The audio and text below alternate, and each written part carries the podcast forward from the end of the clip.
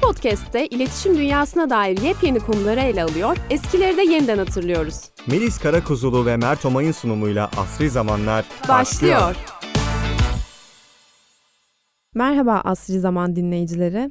Biliyorsunuz ki 6 Şubat'ta Kahramanmaraş Pazarcık merkezli iki büyük deprem yaşadık. Çok büyük bir bölgeye etkiledi bu iki deprem. Ee, 10 ili toplamda etkiledi ve sonrasındaki süreci zaten hepimiz biliyoruz. Bu süreçte sosyal medyadan çok farklı paylaşımlara tanık olduk. Çok farklı görüntülere tanık olduk. Bunlarla ilgili konuşmak istedik aslında. O yüzden bugünkü konumuzu bu tarz toplu ölümlerin yaşandığı ya da büyük afetlerin yaşandığı dönemlerde sosyal medyadaki etkileşimden bahsetmek istedik. Merhabalar herkese. Gündeme de uygun bir konu olacağını düşündük. Biraz da aslında faydalı bir amaç için konuşmak istiyoruz bunları. Daha önce yaptığımız bir bölümden yine sosyal medya ile ilgili yaptığımız bir bölümden referanslar alarak e, bu süreç sosyal medyada nasıl yansıdı, bizler neler yaşadık biraz bunları konuşarak yoruma dayalı bir bölüm yapmak istiyoruz sizlere. İlk etapta sosyal medyanın bu süreçte nasıl kullanıldığından başlayabiliriz bence. Hı hı. 6 Şubat'ta deprem olduktan sonra zaten gece 4.20 civarında olmuştu sabah karşı. Herkes sabah uyandığında güne deprem haberiyle başladı. Ve zaten bu öncelikle çok büyük bir şok yarattı bence hepimizin üzerinde. Belki ilk başta anlamadık depremin sonuçlarının bu kadar büyük olacağını, kayıpların bu kadar çok olacağını. Ama sonradan paylaşımlar devam ettikçe fark ettik. Özellikle Twitter ve Instagram çok fazla kullanılmaya başladı bu süreçte. Tabii her büyük olayda olduğu gibi bu iki sosyal medya platformu çok yoğun bir şekilde kullanılmaya başlandı. En çok karşılaştığımız şey enkaz altında kalan kişilerin bilgilerinin yetkililere ulaştırılmasıydı. Yani böyle bir çaba vardı, yoğun bir çaba vardı. Hatta enkaz altında kalan kişilerin bile kendi Twitter'larından yani telefonlarına erişen kişilerin yardım çağrıları paylaştığını gördüm. Videolarını çektiler, attılar, fotoğraflarını çektiler. İşte ben şuradayım, adresim şurası, beni kurtarın diye çağrılar vardı. Mesela bu beni çok şaşırttı. İlk defa böyle bir şey gördüm ben. Yani daha önceden de işte yangınlar olmuştu vesaire. O zaman da hani tabii ki çok yoğun paylaşımlar yapılmıştı. Yardım çağrıları yapılmıştı ama bu şekilde böyle enkaz altında kalıp da yardım çağıran kişileri görmek beni çok etkiledi. Sen neler gördün Mert bu süreçte ilk etapta yani? Dediğin gibi o Twitter'da ben de ilk başta hemen o dediğin görüntülerle karşılaştım. Tabii taze de olunca ilk böyle bir iki gün daha insanların daha şarjı bitmeden o enkaz altındaki insanların kendi videolarını çekip Twitter'da yayınladıklarını gördüm ben de. Şimdi bende şöyle bir şey oldu. Olaya uzağız. Fiziksel olarak uzağız ama sosyal medya sayesinde her şeyine, her yönüne maruz kaldık. Bütün yardım çağrılarına, bütün o videoların hepsi ister istemez önümüze düştü. Uzakta kalamıyorsun. Yani uzak kalmak mümkün değil. Ne yaparsan yap. O platformlara girdiğin zaman karşısına çıkıyor ister istemez. Bir yandan da takip de etmek gerekiyor. Gündemden çok da uzak kalmamak gerekiyor. Ama özellikle psikolojik olarak ilk günlerde çok etkilendiğimi söyleyebilirim. Sürekli böyle dokunsan ağlayacak vaziyette geziyordum açıkçası. Kendimi nasıl koruduğumu, en azından psikolojik olarak nasıl korumaya çalıştığımı istersen daha sonra bahsederim.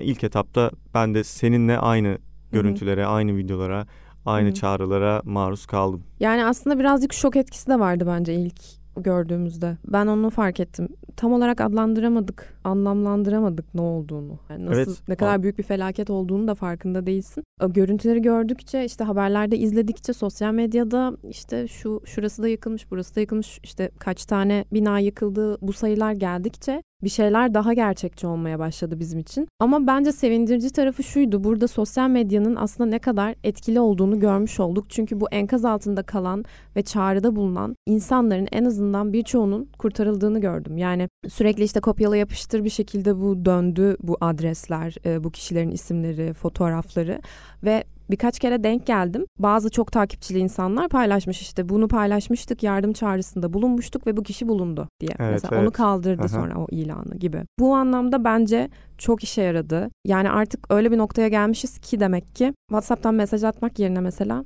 daha çok insana ulaşabileceğini bildiği için Twitter'dan yazıyor insanlar böyle bu tarz şeyleri. Hı hı. Yani sosyal medyanın gücü burada çok önemliydi gerçekten. Özellikle Hı hı. fenomenlerin çok Evet. takipçili hesapların gücünü de ne kadar etkili olduğunu görmüş olduk. Onların paylaşımlarının ben çok etkili olduğunu düşünüyorum aslında.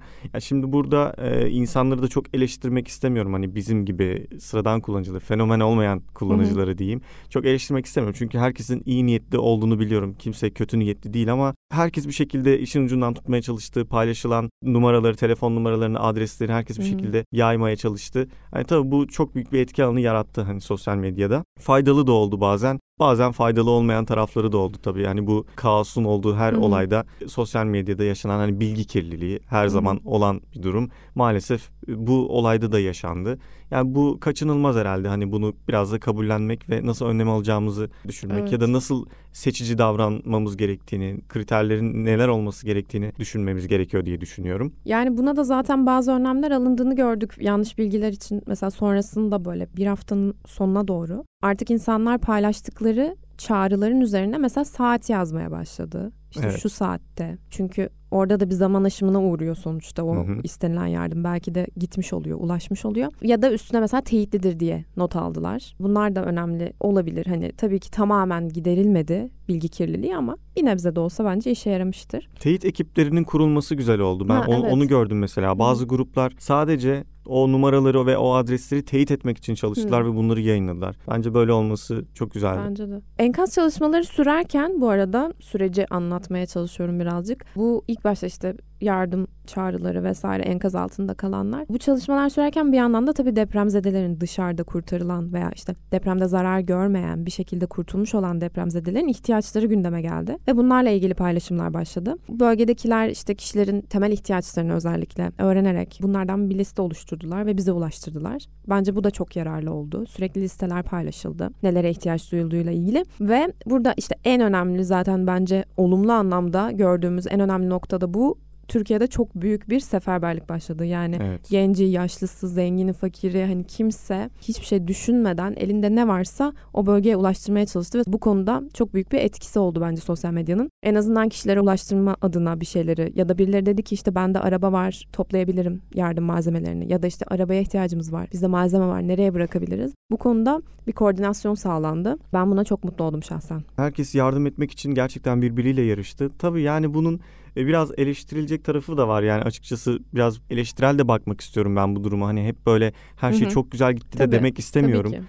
Yani bu yardım her, kesinlikle herkesin yapmak istediği, yapmaya çalıştığı yardım çok iyi niyetliydi. Bütün Hı hı. ekiplerin, bütün grupların, bütün fenomenlerin, bütün bireysel olarak yardım yapmaya Hı hı. çalışanların. Ama ben burada biraz biraz eksiklik olduğunu düşünüyorum galiba. Çünkü herkes böyle bir anda eşyaları böyle Hı hı. bir yere yığdılar böyle Hı hı. gönderdiler ve hani artık Haluk Levent'in buraya artık bir şey göndermeyin Evet. koyacak yerimiz yok diye yalvardığını evet. hatırlıyorum gördüm onu sosyal Hı hı. medyada. Çok yardımsever olmamızdan kaynaklanıyor ama bu yardımlar sonuçta ilk günlerde yapmasak bile aylar sonrasında bile gerekli olacak Devam ihtiyaç ol, gerekiyor. ihtiyaç Hı hı. olacak yardımlar. Yani tabii ki illaki faydası olmuştur. Ama benim mesela buradan e, yaptığım bireysel yardımların dışında şunu yapmak istedim. Yakınlarıma dedim ki yani bunu WhatsApp'tan yazdım arkadaşlarıma, yakınlarıma. Dedim ki telefon kullanmayalım, aramayalım birbirimizi bu dönemde. Hı. Yani zaten İzmir depremini de yaşayan insanlar olduğumuz için burada ilk olarak operatörler kilitleniyor ve hı. hiç birbirimize ulaşamaz hale geliyoruz. Enkaz altında kalanların da ulaşabilmesi için dışarı biraz hatların rahat olması gerekiyor. Ben Hı. yazdım herkese hani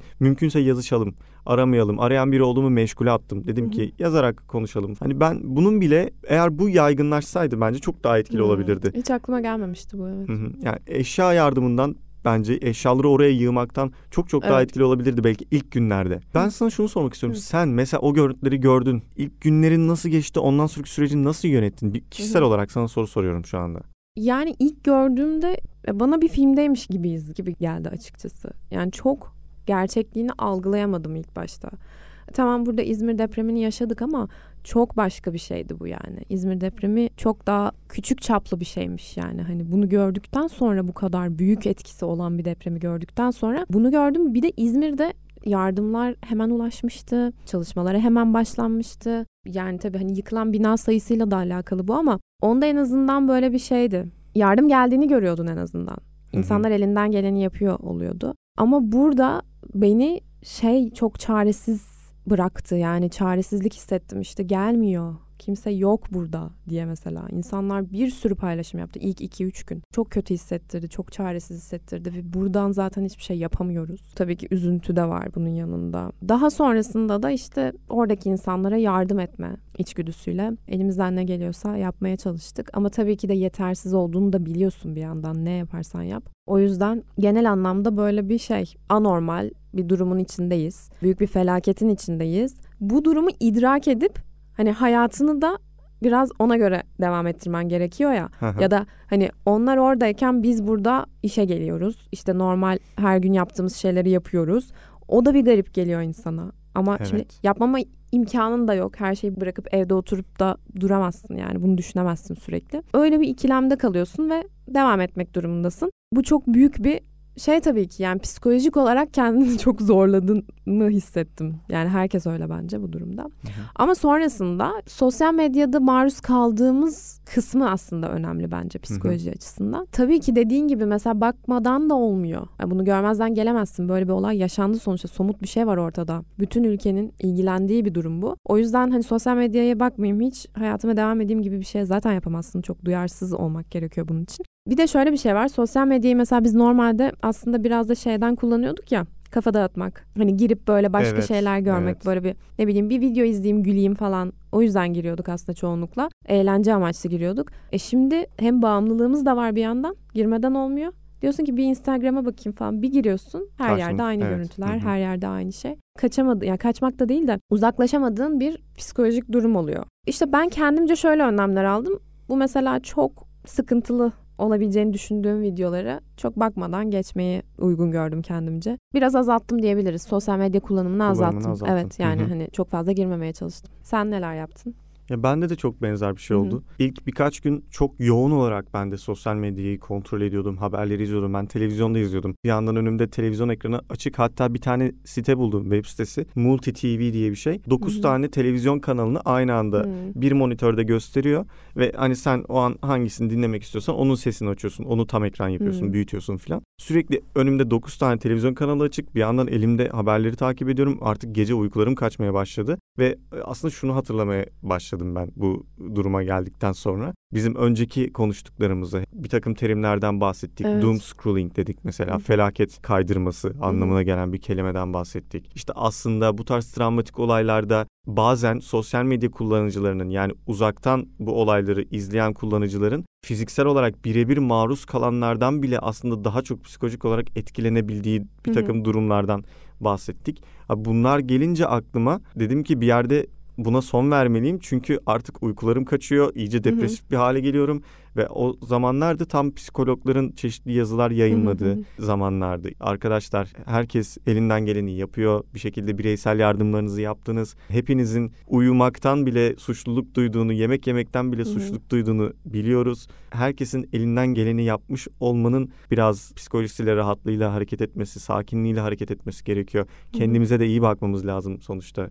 Bize de ihtiyaç var tarzında konuşmalarını da yazılarını da gördüm. Orada ben biraz ben durmaya karar verdim. Sosyal medyaya girdiğimde sürekli karşılaştığım için ister istemez sosyal medyaya girmedim bir süre. Kesinlikle %100 uzaklaşmadım ama Hı. çok büyük oranda uzaklaştım ve yavaş yavaş hani psikolojimi toparlamaya çalıştım bu Hı. dönemde. Hala tam olarak toparlanabilmiş değiliz hepimiz. Taze taze felaketler olmaya devam ediyor hala ama buradan ne yapabildiysek onu yaptık. İşte bu hani o senin dediğin noktayı kavrayabilmek çok önemli bence orada psikolojik olarak. Artık bu bana fazla geliyor. Çok yoğun travmatik görüntüler Evet. sürekli her yerden. Evet. Bunu zaten insan bir yerde gerçekten fark ediyor. Benim artık durmam lazım. Yoksa daha kötü olacağım, daha kötü hissedeceğim ve aslında faydasız bir şey yani bu.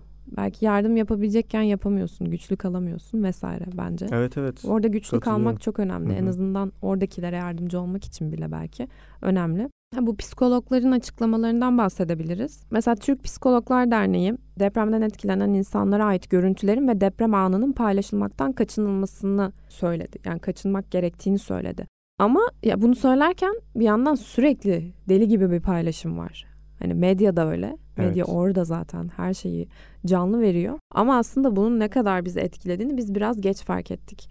Yani bir haftanın sonunda falan fark ettik. O yüzden böyle açıklamalar geldi. Zaten hani psikologlar bireysel olarak da bir sürü videolar paylaştılar gördüm sosyal medyada bilgi verici. Mesela psikiyatrist Bahar Tezcan şöyle bir paylaşımda bulunmuştu. Felaket görüntülerinden video klipler hazırlayarak dramatik müzikler ekleyerek paylaşım yapmak herkesin ruh sağlığını olumsuz etkilemektedir ve uygunsuzdur. Bireysel çıkarla acı yığını oluşturmaktan başka bir şey değildir. Sosyal medya yardımlaşma ve bilgi amaçlı kullanılmalıdır. Ben buna çok katılıyorum. En başından beri de gördüğüm şeylere olan yorumum yani kendimce buydu. Orada bir adres paylaşılıyor ihtiyaç listeleri paylaşılıyor. Bir çağrı var, bir istek var ve bir, bir yerlere ulaşılması için onu ne kadar çok kopyala yapıştır yaparsan, yaparsan o kadar yayılıyor. Ama mesela geçiyorsun, bunlar yararlı bilgiler. Bir yerde karşına bir video çıkıyor. Evet. İşte arkada böyle acılı bir müzik. Felakette Hı-hı. şöyle de böyle de. Yani bunun kimseye yararı yok bence. Hı-hı. Bu etapta en azından. Hani olay geçer, üstünden bir süre geçer ve bazen gerçekten çok güzel videolar yapılıyor böyle görüntüler birleştiriyor ve hani eleştirel bir video oluyor o. Onlar o zamanın videoları bence. Şu anın değil. Şu an ne ara sen onun yaptığında müziği koydun. Yani bunu yapabiliyor olmak bile bir etkileşim çılgınlığı bence. Evet evet kesinlikle. Orada sen o... beğeni için yapıyorsun bunu mesela. Yani. Hı hı. İşte onu paylaşma nedenin bu. Ama kimseye faydası yok psikolojini daha da kötü etkiliyor. Belki onu gören insanlar daha çok üzülüyor vesaire. O yüzden bunları ben şey olarak gördüm. Yani boş paylaşımlar sadece kalabalık yarattı sosyal medyada. Hı hı. Sadece story sayısını arttırdı yani. Orada aslında sen daha yararlı bir şey paylaşsan belki bir hayvan kurtarılacaktı. Sallıyorum yani. Bunun gibi şeyler. Evet bu etkileşim fetişizmi evet. diyeyim artık Yine yani en doğru yani. bu, bu kelimeyle ifade edebiliyorum. Yine bu olayda da karşımıza yani şu kadar vahim bir olayda bile Hı-hı. hani maalesef yani etkileşimin peşine düşen, dolandırıcılığın peşine düşen Hı-hı. insanlar oldu. İşte bunlar da aslında hep böyle bilgi kirliliğinin sebepleri oldu. Deprem bölgesine gidip sürekli kendini paylaşan insanlar yani ne alaka? Ya Mesela... maalesef biraz aslında yardımlar da biraz e, zamanla Bazı buna dönmeye öyle, başladı. Evet. İşte takım böyle filama bayrak değiştirme evet. yarışlarına falan girilmesi. Evet. Yani tabii bu da artık ne diyelim çağımızın takım hassasiyetleri maalesef diyelim her olayda karşımıza çıkan şeyler aslında bunlar da yine de böyle acılı bir olayda karşımıza çıkması sanırım insanları daha da öfkelendiriyor gerçekten evet. birbirine düşürüyor yani. Yani her türlü duyguyu yaşadığımız bir süreç evet. oldu işte dediğin gibi öfke öfke hissettik, Hı-hı. üzüntü hissettik, e, depresyon hissettik yani çaresizlik. Ne varsa aynen. Bu yüzden de biz mesela birbirimize de düştük yani baktığında sosyal medyada insanlar yine birbirine düştü. Neden? İşte deprem sürecinde, yaz sürecinde işte normal paylaşım yapanları mesela eleştirildiler. Yok işte sen yapıyorsun işte ama bir yandan diyorlar ki hayat devam ediyor. Yapmayalım mı? Böyle bir karmaşa oluştu. Yani ben yapmadım mesela kendimce. Ya, yapasım da gelmedi zaten içimden gelmedi. Ne kadar sosyal medya bağımlısı olsak da sadece yardımcı olabileceğini düşündüğüm şeyleri paylaşmaya çalıştım herhangi birine. Ama bunun dışında şöyle bir şey de var. Şimdi kendimizi bu kadar kötü hissederken bir yandan sosyal medya bizi eğlendiren bir şey olduğu gibi bir yandan da iyi hissetmek için etkileşim kastığımız bir yer ya. Yani bu etkileşim hı hı. bağımlılığından bahsetmiyorum. Mesela bir fotoğrafını paylaşıyorsun.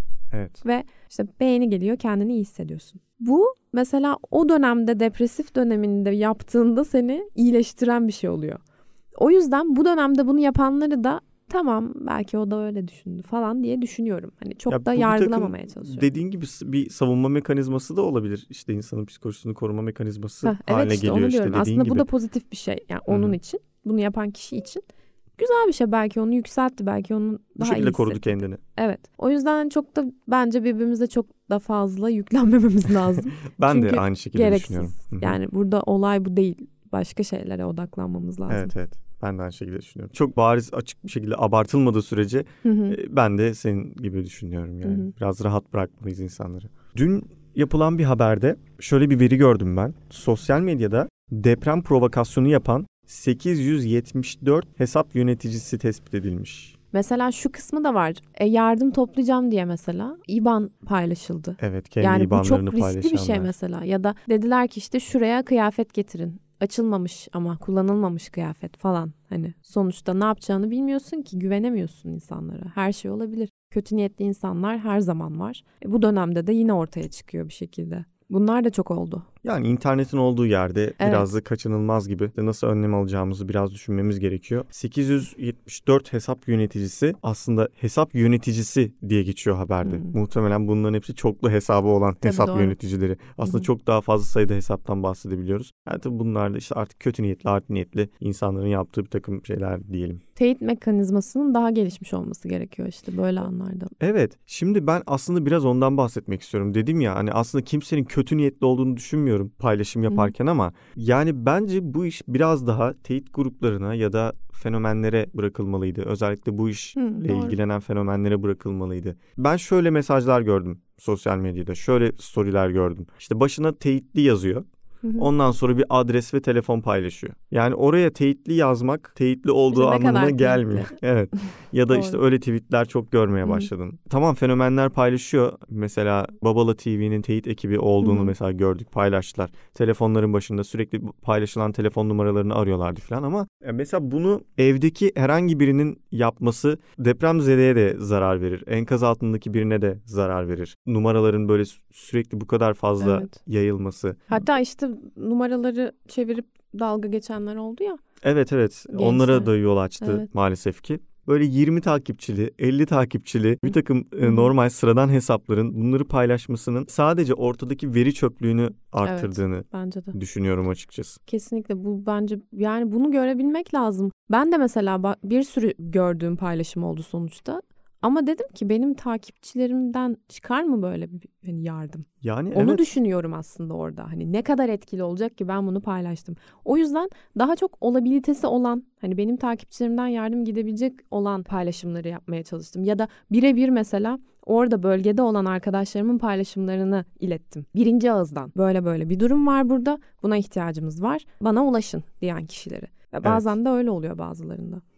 O zaman bir araştırmayla bitirelim. Şimdi bir tane araştırma var. Travma sonrası stres bozukluğunda medyanın rolü isimli bir e, tez var. 2019'da yazılmış. Burada aslında birazcık 17 Ağustos depremi sonrası da dikkate alınarak e, yapılan bir araştırma bu. Medya olayın tüm ayrıntılarını hiçbir seçimde bulunmadan ve sürekli olarak yayınladığında hem travma mağdurlarının hem de travmayla ilgisi olmayan insanların travmatize olmasına neden olabilmekte diye bir cümle var mesela. Zaten konuştuğumuz şey sürekli buna maruz kalarak uzaktaki bizlerin travmatize olması.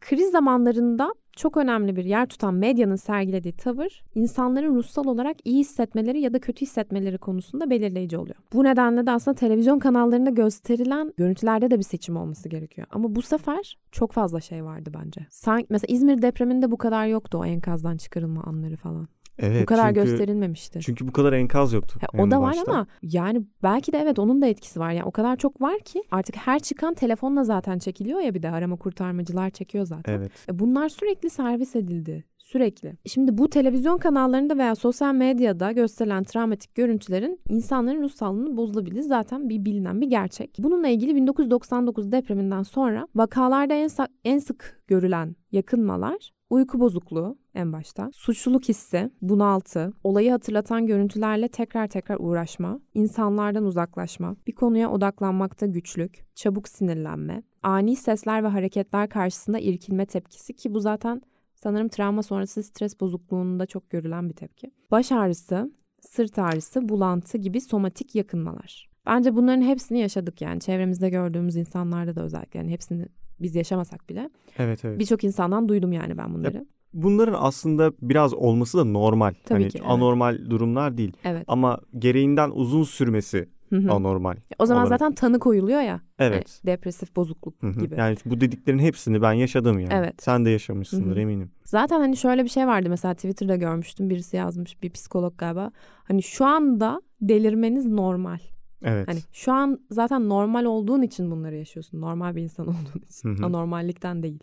Ve bu yapılan araştırmada 3 vakaya mesela dediğim gibi hani senin dediğin gibi uzun sürmüş ki majör depresif bozukluk tanısı konulmuş mesela. Vakaların %30'u artık yalnız kalamadığını ifade etmiş. Hepsinin de sosyal ve mesleki işlevselliklerinde ciddi bozulmalar meydana gelmiş. En can alıcı noktasını söylüyorum. Araştırmanın örneklemindeki vakalar deprem bölgesinde oturmayan ve depremi hiçbir şekilde hissetmemiş olan kişiler. Evet tam olarak bizim de bahsettiğimiz şey. Evet. Bu aslında tam olarak bizim iki önceki bölümümüzde Dijital medyada maruz kalınan olumsuz içerikler isimli Hı hı. bölümümüzde bahsettiğimiz konu birebir maruz kalmayan insanların sosyal medya aracılığıyla daha fazla etkilenmesi Evet. durumu. Orada da birçok bilgi vermiştik. Buradan dönüp tekrar onu da dinlemeyen varsa dinleyebilir bence o bölümü. Çok aslında bugüne uygun bir bölüm yapmışız. Evet. Yani bu şekilde bu insanlar işte hepsi yaşanan olayları, ölümleri, kurtarma çalışmalarını bir şekilde izlemişler ve bu da bir travma yaratmış. Bir kez daha gördük ki hepimiz aynı şeyleri hissedebiliyoruz Evet. bu olaylar karşısında ve bizi dinleyenler arasında yakınlarını kaybetmiş olanlar da varsa depremde başsağlığı diliyoruz onlara. Ya ben artık insanlarla konuşurken şunu sormaya başladım var mıydı yakınınız o taraflarda falan diye. Ama sonra düşündüm ki yani olmasa bile karşımda konuşan kişinin yakını sonuçta oradaki insanlar da birilerinin yakınıydı. Hepimize geçmiş olsun diyelim ve başımız sağ olsun diyelim. Bu bölümü de burada sonlandıralım. Sonraki bölümlerimizde görüşmek üzere. Görüşmek üzere.